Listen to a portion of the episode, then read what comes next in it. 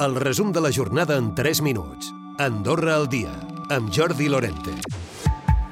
88 persones han demanat no entrar al casino, una sol·licitud que han presentat al Consell Regulador del Joc per patir d'addicció.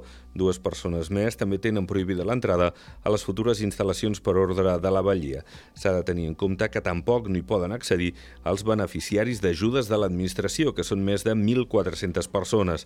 En aquest sentit, el Consell Regulador Andorrà del Joc està preparant un pla de mesures de sensibilització i bones pràctiques que vol comptar amb la visió de les associacions de malalts de salut mental. I és que hi ha molta preocupació al voltant del futur casino per part d'aquests professionals sanitaris que creuen que en aquest tipus de malalts pot alimentar l'addicció al joc. El judici de l'assassinat d'un empresari de 56 anys en camp tindrà lloc divendres. L'acusació particular demana 30 anys de presó per a aquesta persona de 31 anys.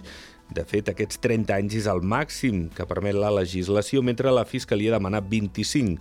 La defensa reclama l'absolució perquè diu va actuar a causa d'un brot esquizofrènic que patia. L'exmedallista olímpic de waterpolo i motivador Pedro García Aguado ha agafat el relleu de Durne Passavant en el cicle de conferències de turisme esportiu i benestar que organitza el Comú de Sant Julià de Lòria. Si vienen los mayores, escuchan.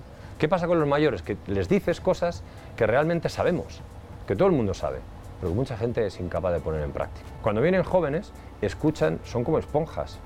Mientras no les juzgues, mientras ellos no se sientan juzgados y que un mayor viene verticalmente a decirles tú tienes que hacer esto porque yo tengo más sabiduría que tú, porque tal, tal.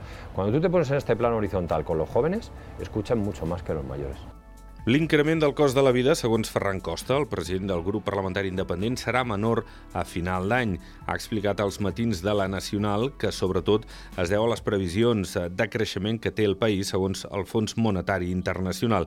També Costa ha dit que és positiu que hi hagi molts partits que vulguin concórrer als comicis generals. Els polítics estan per intentar solucionar els problemes de la societat i que hi hagi tantes persones que tinguin aquesta aspiració de poder incidir en la cosa pública, penso que és una bona notícia la riquesa política és una bona notícia, la riquesa ideològica és una bona notícia i això farà doncs, que ens haguem d'entendre.